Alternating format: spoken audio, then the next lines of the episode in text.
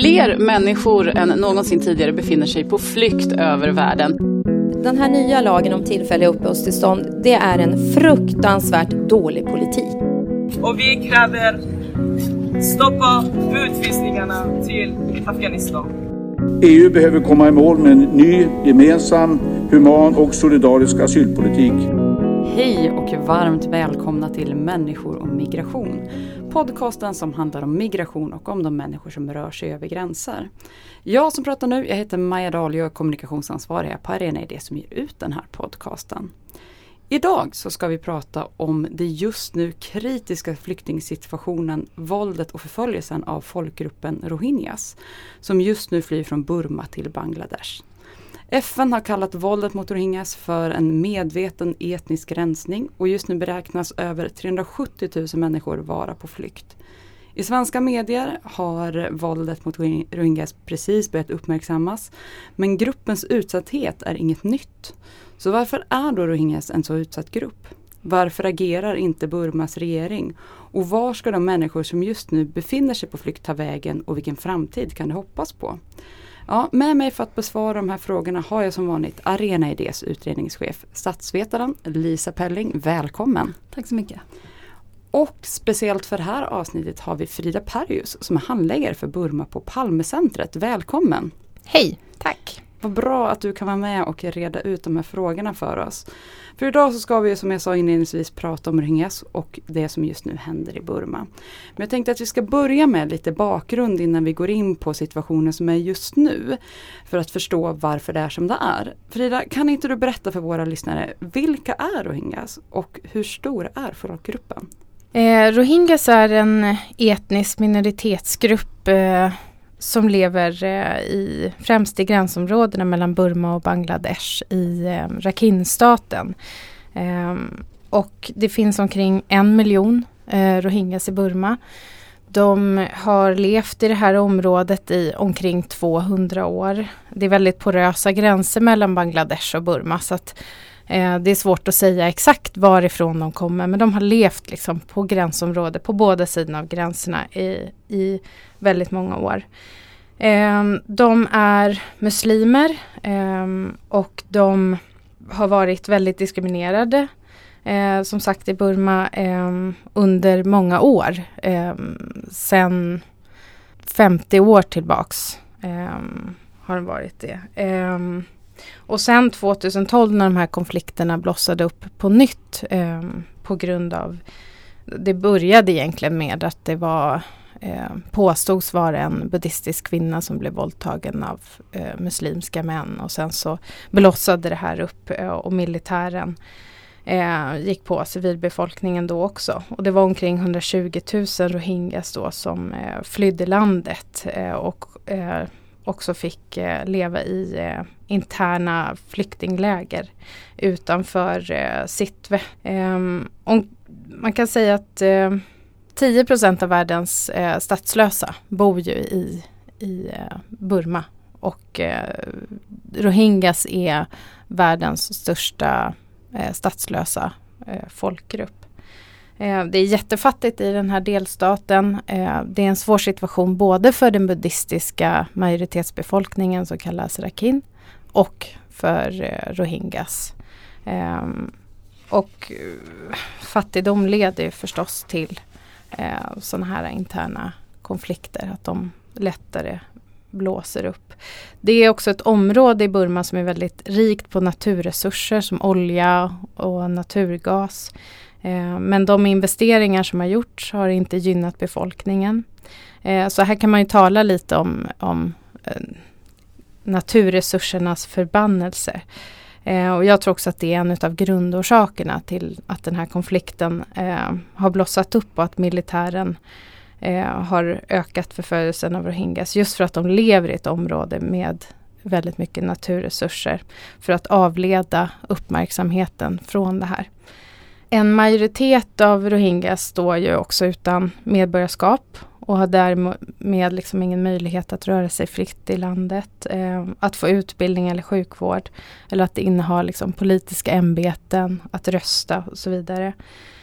Eh, och därtill finns det också andra diskriminerande lagar som bland annat eh, gör det svårt eller i princip förbjuder muslimer att gifta sig med buddhistiska medborgare. Eh, och det är en stor segregering av de här samhällena så att rohingyas lever för sig och eh, den buddhistiska befolkningen lever för sig. Och det, det spär ju också på missförstånd och fördomar mellan de här grupperna. Och det finns väldigt lite interaktion mellan de här grupperna idag, även om det tidigare har man levt sida vid sida.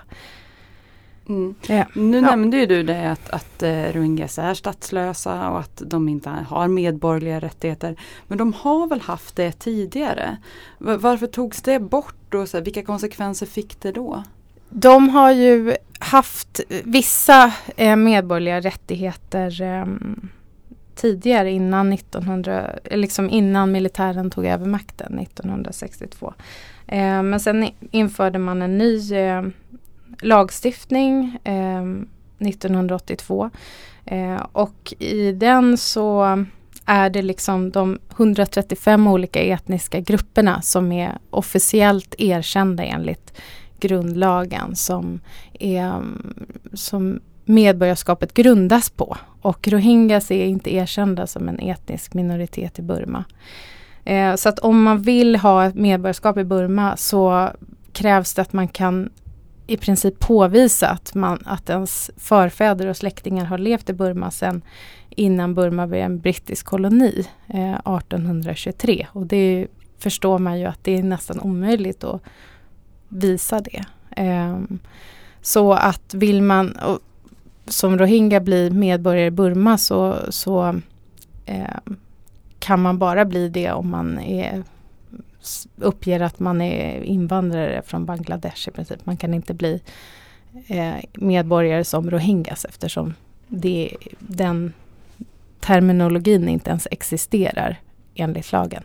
Lisa, statslöshet, vad, vad är det för någonting? Mm, kan du förklara ja, det, det, det, det, första är att man, man har ingen erkänd stat som är ens hemstat. Så det, det första som innebär en begränsning för statslösa att man har svårt att resa till andra länder. Andra länder är, man har inget pass som man kan visa upp, man kan inte skaffa sig ett visum. Så rörelsefriheten är inskränkt. När det gäller rohingyas så, så har jag förstått att också rörelsefriheten inuti Burma är inskränkt. Man har ingen rätt att bosätta sig i andra delar av, av, av landet.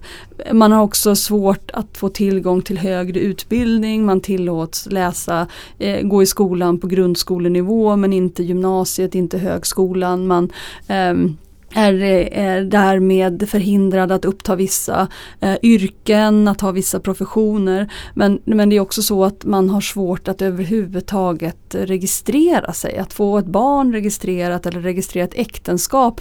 Vilket ju också gör det, det väldigt, väldigt eh, sårbart. Hela, hela livet är väldigt sårbart och då, och då handlar det om sådana saker som att äga en bit mark, ha en möjlighet att äga det hus som man, som man bor i, som man kanske själv har byggt, där man har investerat.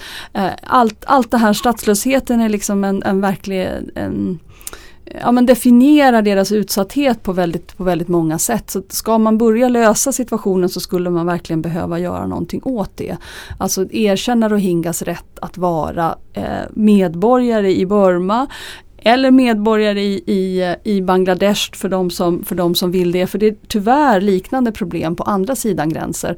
Där man har haft eh, rohingya som har levt i flyktingläger. Det har varit flera tillfällen när rohingyas har tvingats fly över gränsen i större antal, 78 och sen i början på 90-talet och sen 2012 som du sa och så nu igen. Och, och, och, de lever ofta då i flyktingläger i Bangladesh också då utan möjlighet att få högre utbildning, att eh, få möjlighet att utöva vissa yrken, att ha ett pass. Mm. Kan statslösheten också få konsekvenser? Vi pratar ju liksom om den här gruppen just nu, en flyktingsituation. Kan statslösheten även få konsekvenser där? Jag tänker när man ska söka asyl eller liknande. Kan, kan det försvåra eller spelar det ingen roll? Ja, de är ju per liksom definition dokumentlösa. Men, men eh, när det gäller att eh, få visum för att söka asyl har vi pratat om det tidigare. Det skulle inte hjälpa tror jag att ha ett pass från Burma för att kunna flyga till EU och, och söka asyl. Man skulle inte få visum för en sån resa ändå. Eh, men, men rörelsefriheten inom Burma och i regionen är väldigt inskränkt på grund av statslösheten. Mm. Nu var ju du inne lite grann på det Frida också innan att det är militären som, som mycket begår de brott som begås mot rohingyas. Är det fler grupper eh, eller liksom hur ser utsattheten ut kring då rohingyas? Det är ju främst militären och, Eh, och polis eh, som begår de här brotten. Men det är ju också så att man använder sig, skulle jag väl kunna säga, eller att man eldar på de konflikter som finns mellan den buddhistiska civilbefolkningen och eh, rohingyas. Så att det som jag fick höra senast då när jag pratade med en av våra partnerorganisationer som har kontakter på marken så är det ju, verkar det vara så att det är polis och militär som tar sig in i de här byarna där rohingyas lever och kör ut dem i princip med våld. Eh, och sen så blåser man i en visselpipa och så kommer det in eh, civilbefolkning eh, mm. från de buddhistiska byarna och tuttar eld och plundrar de här byarna. Så det är ju det är två liksom svåra Eh, spår i det här. Det ena är ju liksom att militären och myndigheterna är inblandade och sen också att det finns underliggande konflikter och fördomar mot de här befolkningsgrupperna eh, som man eldar på för att också militären så ska visa att de fortfarande är legitima, att de behövs. Slags militärt understödda pogromer liksom. Ja. Mm, mm. Mm. Du var ju även inne på det lite grann innan de här lägren som, som eh, Rohingyas då har bott i. Som, som jag har förstått så mycket kom upp efter våldsamheterna vid 2012. Mm. Eh, hur ser det ut i de här lägren? Alltså, vad finns det för tillgång till sjukvård, till utbildning och sånt? Det har ju var, alltså beskrivits som en humanitär katastrof. Eh, sen den 25 augusti så har eh, hjälparbetare inte kunnat komma in i de här flyktinglägren som då är liksom till och med de som är utanför huvudorten eller eh, huvudstaden Sitwe i eh, Rakhine-staten. Så att där är situationen jätteallvarlig. Nu tror jag att det kanske har kunnat komma in lite hjälparbetare men det är eh, undernäring, eh, jättedålig tillgång till sjukvård. Jag tror att det var fem hjälparbetare på 10 000 människor eller fem mm. hälso, vad säger man, sjukvårdsarbetare på 10 000 människor eller något sånt där. Och Så ren det, svält har man nästan ja. förstått nu. Ja. Mm. Mm. Ja, det man påminner om att eh, om världen fokuserar och kanske vi även i det här avsnittet man får upp ögonen för en flyktingsituation när människor korsar en internationell gräns så är oftast liksom väldigt allvarliga lägen när människor flyr internt i ett land och det kan vara ännu svårare för inte minst för internationella hjälporganisationer och för UNHCR att få tillgång till lägren, få leverera förnödenheter, att Läkare utan gränser kan verka, att det finns en, en, en möjlighet att nå fram till, till dem och det, och det är väl det här tyvärr ett exempel på. Då. Mm. Ja. Och då vet vi lite mer om själva gruppen men det jag tänkte att vi skulle gå in på är det, det som händer just nu. Mm. Varför ökar våldet mot rohingyas just nu? Det är alltså den själva utlösande orsaken nu eh, till det ökade våldet var ju att eh, en grillagrupp eh, som heter Arakan Rohingya Salvation Army alltså en grupp av, av rohingyas eh, attackerade gränspolisposter eh, eh, i Burma och dödade flera militärer och poliser. Och det här skedde först i oktober 2016 förra året. Och så skedde det nu igen i den 25 augusti i år.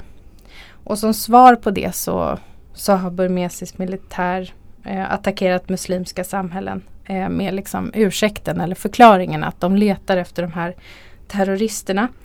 Men i själva verket så har man ju använt övervåld och eh, man har skadat och dödat civilbefolkning, kvinnor och barn som har, har drivits på flykt helt enkelt. Um, så den här händelsen har ju eldat på den här underliggande konflikten som finns mellan de här samhällena. Uh, och det var också precis det, det skedde liksom dagen efter att den här Kofi Annan eh, ledda kommissionen eh, som var tillsatt också av Aung San Suu Kyi och regeringen eh, som skulle undersöka situationen i Burma eh, för just rohingyas och i Rakhine-staten och ge vissa rekommendationer till regeringen. Eh, det var dagen efter att den, de här rekommendationerna hade släppt. En av eh, kommissionens rekommendationer var att eh, rohingya skulle få medborgerliga rättigheter. Och Aung San Suu Kyi hade, hade sagt att det här ska vi ta på allvar och vi ska ta till oss de här rekommendationerna och vi ska tillsätta en eh, någon slags, eh, vad säger man, eh, body, vad säger man? Ett organ som... Ett organ Ja, för ja. att eh, eh, implementera de här rekommendationerna. Och, eh, så det är väldigt svårt att veta om, det, om den här uh, gerillagruppen svarade på det här och, eller om det var bara otur att det hände Mm. just då. Ja, I vilket fall som helst är det ett extremt Ja. övervåld. Även om man kan liksom hävda på någon slags jag, här, teoretiskt abstrakt nivå att länder har rätt att skydda sig mot terrorism och militär har rätt att söka efter misstänkta terrorister. Att göra det på det här sättet är ju i vilket fall som helst fullständigt oacceptabelt. Ett, ett skolboksexempel på etnisk rensning har det kallats av, av FN-företrädare. Men också detta, detta försåtliga att gå in med militär först och sen så att säga inte bara se genom mellan fingrarna när, när en mobb eller en, en liksom eh, bränner och, och, och lemlästar och mördar utan till och med kanske uppmuntrar det är ju ja, men verkligen, verkligen allvarligt. Mm. Men de senaste siffrorna som nu har rapporterats, som jag har tagit del av i alla fall, är ju att det är 370 000 människor, eller rohingyas då, som flytt. Vart tar de sig nu? De har ju tagit sig till Bangladesh eh, och det är där de här mm, 370 000, det kan vara även fler nu, eh, har tagit sig. Mm. Hur farlig skulle du säga att den flyktvägen är? Svårt för mig att säga men det är ju Det finns ju inget stöd för de här människorna ännu och det finns ju ingen organisation på plats som kan ta hand om de här människorna. Eh, det finns tydligen så strömmar in hjälporganisationer i Bangladesh nu för att ta hand om de här människorna. Men så att det verkar inte som att det är akut just pengar som är bristvara för att hjälpa utan det är organisation och stöd och hjälp från den bangladeshiska myndigheten att eh, ordna det här. För nu är det som jag har förstått det på våra, paus, eh, på våra partner eh, kaos. Mm. Hur ser möjligheten ut för de här då som har flytt och tagit sig över gränsen? Hur, hur ser möjligheten ut för dem att faktiskt skapa sig ett nytt liv på andra sidan? Kan man säga någonting om det idag? Jag tror att det är jättesvårt. Som sagt så har ju det här hänt tidigare i historien som Lisa nämnde flera gånger. Att människor har flytt och sen så lugnar det ner sig och så, så kommer de tillbaks och så försöker de bygga upp sina byar igen. Men de har ju som sagt inte de här medborgarrättigheterna så det finns ingen, inget skydd för dem och det är svårt för dem att eh, liksom etablera sig igen, att eh, ha en inkomst, att få utbildning. Så att den här situationen kommer ju bara dyka upp igen så småningom. Så att det, jag tror att det är jättesvårt. Mm. när man tittar på då rörelsemönstren för de här de människor som flyr så ser man ju också en, en förväntad ökning av människor som flyr med båt till Malaysia. Och där har man från myndighetshåll då meddelat att man är redo att ta emot och att ordna med tillfälliga bostäder. Men som jag har förstått Lisa så, så har Malaysia tidigare inte tagit emot rohingyas när de flytt dit. Eh, vad är det som har gjort att man har ändrat och har man verkligen ändrat ställning? Alltså jag skulle säga att, att Malaysia är, är lika, lite grann på samma sätt som Bangladesh. Alltså man kan tänka sig att ställa upp akut i en akut situation när människor kommer.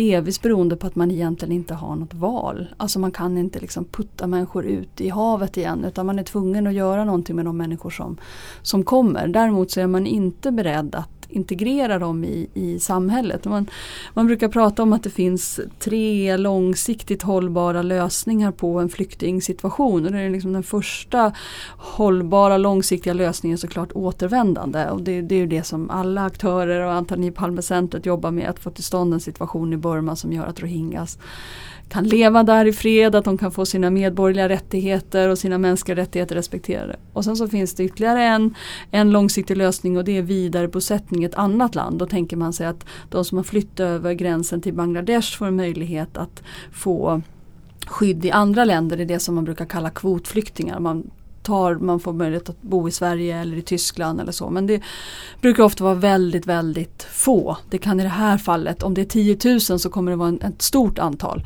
Så det är en, en, liksom en bråkdel av alla de som behöver skydd. Om de börjar närma sig 400 000 nu så förslår inte det långt. Och sen den tredje liksom, långsiktiga lösningen det är integrering i, i värdlandet, alltså i det land där man har flytt. Och, och, och då är ju så att säga, historien avskräckande eftersom de som flydde 78, 91, 92, 2012 delvis till och med fortfarande bor i läger. Alltså det är inte ens så att man har kunnat flytta ut i det omkringliggande samhället. En del har klarat det man, eh, genom giftermål med lokalbefolkningen och på, på andra sätt men, men väldigt många har inte ens klarat av det steget. Så där skulle det internationella samfundet behöva sätta press på Bangladesh och Malaysia att, att, att ordna en sån långsiktig eh, väg. Eh, då då är man orolig för att den lokalbefolkning som finns där ska uppleva att man, att man får konkurrens av nya grannar som, ja men i det här fallet är eh, ofta väldigt fattiga människor. Det är inte så att man kommer med liksom resurser, man har inga pengar att investera i något företag eller att man kommer med liksom yrkeskompetens som efterfrågas på den bangladeshiska sidan av gränsen. Tyvärr inte eftersom de har varit så hyggligt förtryckta i Burma så, så finns inte det. Men, men där, ja, man, man kan ställa krav på det internationella samfundet att hjälpa Bangladesh och Malaysia att hantera det. Och, och förmodligen så behöver man jobba med alla de här tre lösningarna samtidigt. Man skulle behöva flytta de mest sårbara till skydd i andra länder. Man behöver se till att de som har varit på flykt länge kan integrera sig. Och man måste ju självklart jobba för att de som nu flyr ska kunna återvända. Mm. finns, det, finns det någon risk då, ser du Lisa att det finns någon risk kring att den här flyktingsituationen blir långvarig? Eh, hur ser det ut när det kommer till andra flyktingsituationer? Mm. Ja, nej, men tyvärr är risken ganska stor för det, det är liksom den bittra erfarenhet som världssamfundet gör att man ofta tror att eh, människor flyr över gränsen. Ja, ofta så tror de flyende själva att de flyr för några dagar eller några månader. Eh, de, de liksom palestinska flyktingarnas berättelser är alltid så. Vi tog inte med oss någonting utom dörren till vårt hus. Vi trodde att vi skulle återvända om några dagar och sen har man varit flykting i 70 år och sedan 1948.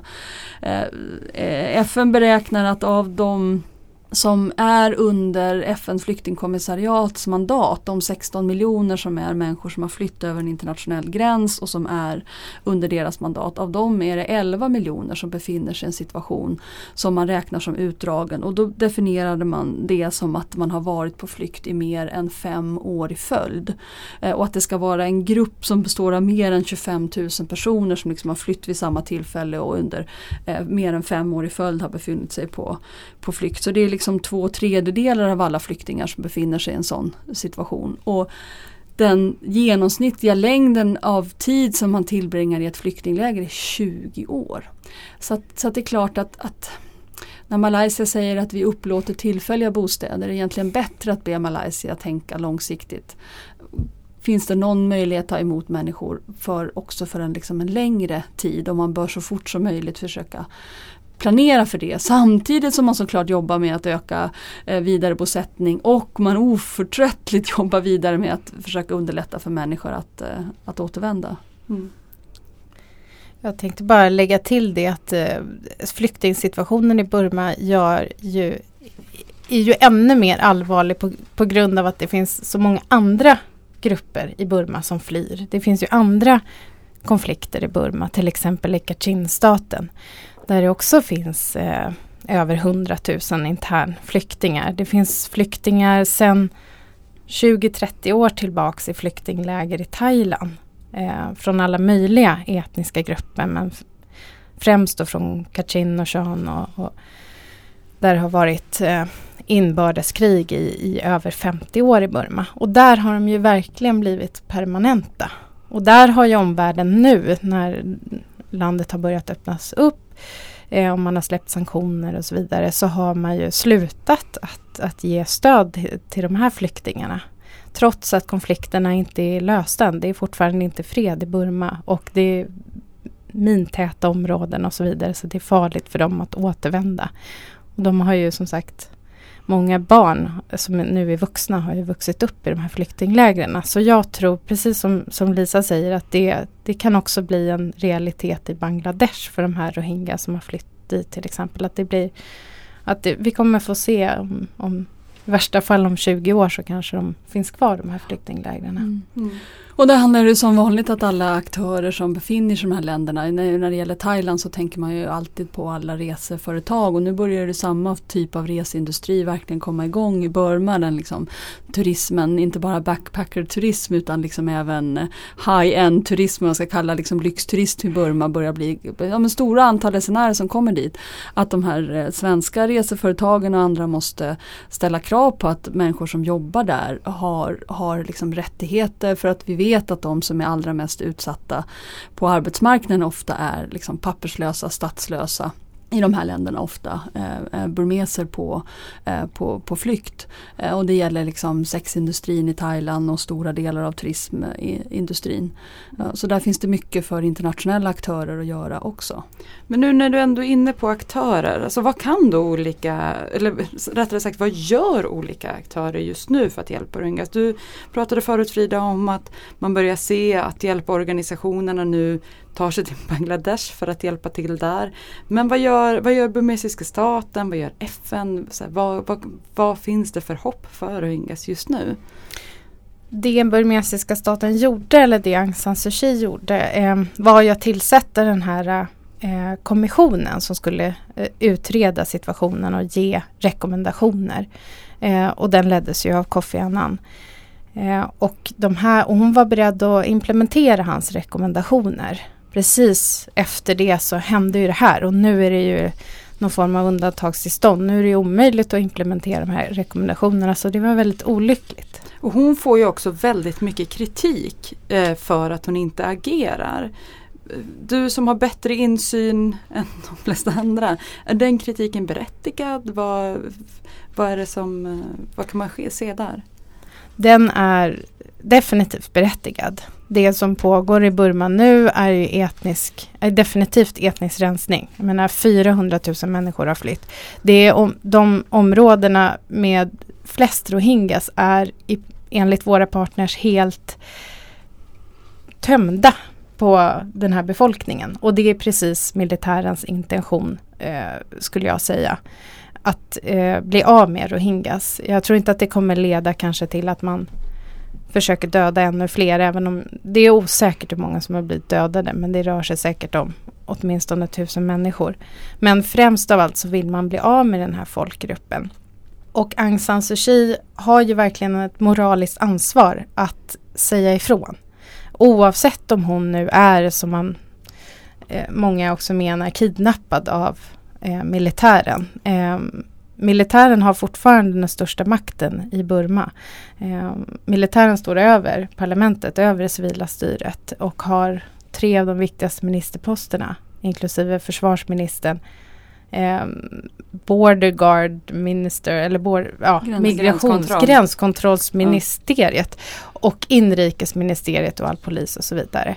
Eh, och har dessutom vetorätt i de viktigaste frågorna. Så att hon, det är väldigt svårt för henne. Det är svårt att veta om hon gör det här för att hon verkligen tycker att eh, rohingyas inte bör inte är en etnisk grupp i Burma.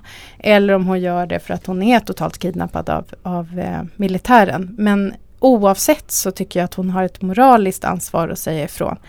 Och eh, det är ju oerhört många människor som fortfarande ser upp till henne och dyrkar henne i princip som en ikon i Burma. Hon är fortfarande oerhört populär i Burma. Så det är klart att hon skulle kunna ha en jättestor in påverkan om hon sa någonting. Mm. Vad är FNs roll nu? Vad, vad, vad gör de? FN ska ju ha, jag tror faktiskt att det är idag som de ska ha ett extrainsatt eh, möte om den här situationen. Och det är faktiskt Sverige som en av de länderna som har kallat på det här extra insatta säkerhetsrådsmötet. Eh, så att jag hoppas att det kommer en stark eh, resolution om mänskliga rättighetssituationen i Burma från det här.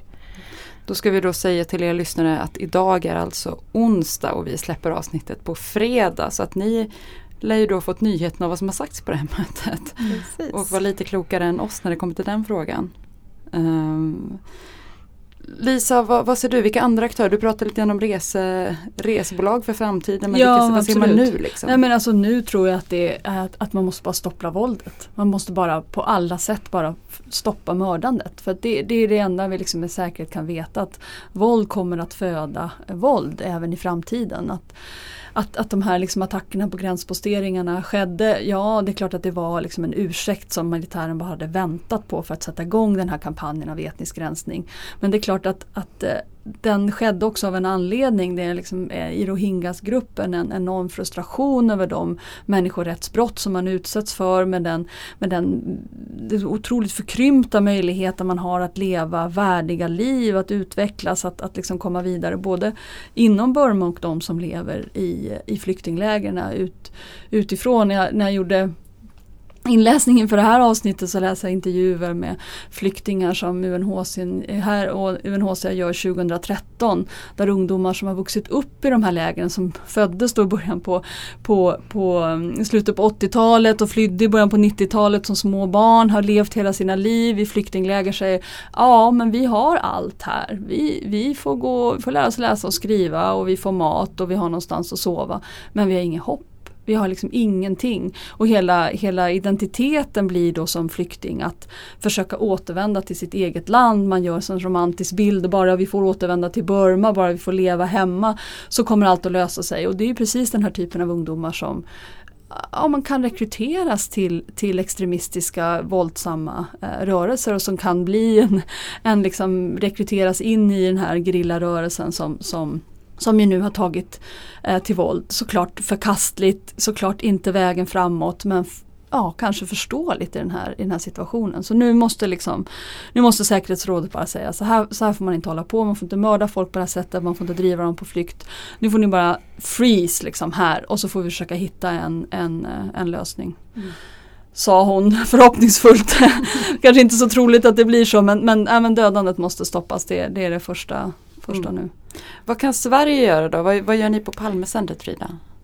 Eh, det Sverige kan göra, det jag tycker att vi ska göra är att eh, vi måste vara väldigt tydliga nu. Vi har inte varit tillräckligt tydliga. Vi måste sätta ner foten eh, och titta på om det finns påtryckningsmedel eh, som till exempel sanktioner som kan hjälpa i den här situationen och då menar jag liksom kanske inte vilka sanktioner som helst utan det måste ju vara då riktade sanktioner till exempel visa restriktioner för högt uppsatta personer inom militären men också att man tittar på om man kan frysa deras konton. Sen när så, du säger konton då menar du bankkonton? Bankkonton. Ja frysa deras bankkonton. Eh, jag tycker också att man ska se över viss typ av bistånd. Det är jätteviktigt att fortsätta stödja de demokratiska krafterna. Eh, givetvis att fortsätta stödja demokratiprocessen, fredsprocessen. Men man måste vara väldigt försiktig med att stödja bilateralt till burmesiska regeringen och till myndigheter.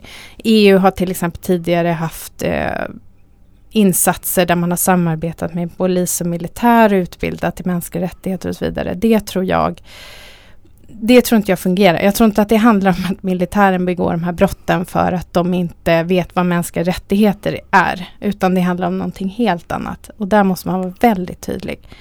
Eh, Palmecentret jobbar ju sedan länge, sedan mitten på 90-talet. Eh, med demokratiska krafter, demokratirörelsen i Burma eh, civilsamhället. Vi jobbar mycket med att stödja organisationer som jobbar just i de etniska minoritetsområdena alltså, och även i Rakhine-staten. Eh, bland annat jobbar stödjer vi genom en av våra partnerorganisationer, Burma Relief Center, en eh, organisation som heter Kalladan Press som är den enda vad jag vet ehm, eh, medieorganisationen eh, som Rohingya-gruppen har. Så det är en väldigt viktig partner. Tyvärr så är det också så att journalister hindras från att komma in i det här området. Eh, journalister har till och med fått eh, instruktioner från eh, myndigheterna att de inte får, att de måste kalla den här eh, grillagruppen eh, för terrorister. Annars så, så kan de hamna i fängelse och så vidare. Så att, Mediarestriktionerna måste också hävas. För att annars är det omöjligt för oss att veta vad som faktiskt händer. Och det, det är det när jag ringer till våra partners och, och, och frågar vad som händer så vet inte ens organisationerna i Burma riktigt eh, hur situationen, hur allvarlig den är. Och då sprids det en massa missinformation och så vidare på Facebook och sociala medier. Och de flesta burmeser de eh, vänder sig till den här typen av information. Och det är liksom även mina burmesiska vänner som sprider en massa Youtube-klipp på, på människor som ja, blir lemlästade och så vidare och säger att det här är rohingya eller liksom muslimska terrorister. De använder ju inte begreppet rohingya för det är ju också i, i förbjudet i princip att använda det. Mm. Vilket, har ändå... gjort att också att, eh, vilket också har gjort att muslimer i andra delar av Burma har utsatts för övergrepp och våld under de senaste dagarna. Det blir som en slags klappjakt på muslimer, eller hur? Ja, det stämmer. Mm. Jo, jag har ändå upplevt att den eh, rapportering som kommer ifrån Rohingyas, att mycket av det som man kan se från, inifrån landet är väldigt skakiga filmer. Det känns som att det är privatpersoner som har filmat mycket av det. Och det har varit en diskussion ändå som har läckt ut att, att det, så här, det ska vara fake news, att den här gruppen ens är utsatt. Och då förstår man ju då om journalister inte kommer in i området. Nej precis och det är ju det är ju, jag tror att det är liksom nästan den allmänna uppfattningen i resten av Burma att det här är fake news. Det pågår absolut ingen etnisk granskning utan det här är terrorister som har attackerat eh, buddister. Och, och, faktum är att militärens popularitet har ökat, speciellt i Rakhine-staten. Eh, och Aung San Suu Kyis popularitet är också väldigt stark. Och den blir bara starkare ju mer kritik hon får utifrån. Så det är ett oerhört känsligt läge och väldigt svårt att veta hur man ska agera för att inte ytterligare liksom hälla bensin på den här branden. Ja, det börjar bli dags att med det ändå runda av dagens avsnitt. Eh, och ja, det här är höstens första avsnitt av Människor och migration och då passar det bättre än någonsin annars att göra spaningar om vad man ska ha extra koll på på migrationsområdet framöver. Så Lisa, Lisa Pelling, utredningschef, Arena Idé. Mm. Vad är det du kommer hålla extra koll på nu under hösten när det kommer till migrationsfrågan? Ja, det här är den eh, första eh, hösten där personer som fick eh, uppehållstillstånd på 13 månader i samband med att den eh, tillfälliga begränsningslagen började gälla i juli förra året. Nu i liksom, här i slutet på sommaren så har de första tillfälliga uppehållstillstånden gått ut och det ska bli väldigt spännande att följa hur många av dem som eh, får fortsatt uppehållstillstånd i Sverige. Om man, har haft ett 13 månaders tillstånd så får man ett, får, får beviljas ytterligare skydd så får man det för ytterligare två år. Eh, och de siffror som vi har sett från Migrationsverket nu tyder på att det kan vara så många som upp till en femtedel. Det är de första siffrorna som har släppt som inte får förlängt uppehållstillstånd. Och det här måste ju liksom skicka ja, men en chockvåg av skräck i hela den gruppen. De allra flesta som har eh, tillfälliga tillstånd är människor som har fått skydd som, eller de har fått skydd som alternativt skyddsbehövande. De allra flesta av dem är människor från Syrien. Så man förstår att, att även om, om eh, det verkar som att våldsnivåerna i Syrien kanske just nu är på väg ner i takt med att IS trängs tillbaka så är det definitivt inte ett land som man kan återvända till i det här läget. Så att en femtedel inte får fortsatt uppehållstillstånd. Ja det måste verkligen, verkligen eh, få folk att vara rädda och det sätter en oerhörd press på människor i den här situationen att försöka ta den smala, smala bro som finns till permanent uppehållstillstånd som är att man eh, ordnar sin egen försörjning antingen genom jobb eller företagande. Så många människor kommer ha en väldigt utsatt situation försöka ta vilket jobb som helst tror jag. Mm. Vi följer. Jajamän, det blir viktigt att hålla koll på. Frida, vad säger du? Vad kommer du hålla extra koll på? Ja men det kommer ju vara situationen i Burma givetvis. Um, jag är väldigt orolig för vad som kommer hända nu när eh, regnperioden i Burma eh, inte längre utgör ett hinder för människor att ge sig ut på havet på i båtar för att försöka ta sig till länder som Malaysia och så vidare. Eh, jag vet ju hur det varit de tidigare omgångarna då det har varit de här våldsamheterna och människor har flytt i tusentals på eh, båtar och eh, det kan bli jag är väldigt orolig för den situationen och just då om kommer Malaysia stå där med öppna armar eller kommer de inte göra det. Mm. Och finns det tillgång till eh, sjöräddning? Eller kommer vi se samma, samma siffror som vi har sett på liksom Medelhavet? Vad jag vet, jag har inte hört någonting om att det kommer att finnas, att det finns någon beredskap. Mm. Men det är också en sån här grej som man, vi måste framföra i FN och EU och så vidare. Eh, se till att inte det finns. färjetrafik direkt utan fiskebåtar som används vad jag har förstått det. Ja. Mm, som inte alls är gjorda för den typen av, av transport av så många människor samtidigt. Ja, det får vi verkligen hålla koll på. Eh, och jag kommer ju att hålla koll och hålla utkik efter vad som händer med de ensamkommande. Idag onsdag så diskuteras det i riksdagen om just de ensamkommande barn som har kommit från Afghanistan och om den frågan hur den frågan ska hanteras. Vi sitter ju på Barnhusgatan vi är på Arena Idé och bara ett stenkast härifrån ligger Bantorget, där, Norra Bantorget där demonstrationen Ung i Sverige går in på, vad är det, sin tredje, fjärde vecka eh, nu. Så att det här är ju en fråga som vi kommer få följa under hösten. Jag vet att eh, nätverket Vi står inte ut kraftsamlar nu för att driva den här frågan så att den slipper bli en valfråga för partierna. Så det blir verkligen en migrationsfråga att hålla utkik efter vad som, hur utvecklingen sker där. Men med det sagt så är det då dags att avsluta dagens avsnitt. Tusen tack Lisa Pelling och Frida Perjus från Palmecentret för att ni kom hit och pratade om de här frågorna med mig och redde ut begreppen kring rohingyas. Nästa avsnitt av Människor och migration den kommer den 29, 29 september. Och om du som lyssnar vill lyssna på något annat som Arena Idé gett ut medan du väntar på nästa avsnitt så lyssna jättegärna på vår syskonpodd Pengar och politik. Eh, eller så kan du leta upp Arena Play på arenaid.se och där hittar du inspelning från seminarier som vi har gjort. Och där har vi just nu ett seminarium med Justin Hansford som pratar om hur man jobbar med, eh, med juridik som ett aktivistiskt verktyg. Eh, en specialseminarium som vi hade på Uppsala universitet tidigare nu eh, direkt efter sommaren. Både eh, Pengar och politik och eh, Arena Play hittar du där poddar finns och även på Soundcloud där vi lägger upp dem. Eh, och har du frågor eller kommentarer på dagens avsnitt så går det jättebra att antingen twittra till oss på arenaid eller så går du in på vår Facebook-sida, sök bara på människor och migration så hittar du oss där så kan du höra av dig till oss. Och om det är någonting du vill att vi lyfter under hösten, nu är tiden att pitcha idéer så gå in på, på Twitter eller Facebook eller mejla oss direkt helt enkelt med idéer. Tusen tack för att du har lyssnat och vi hörs igen 29 september.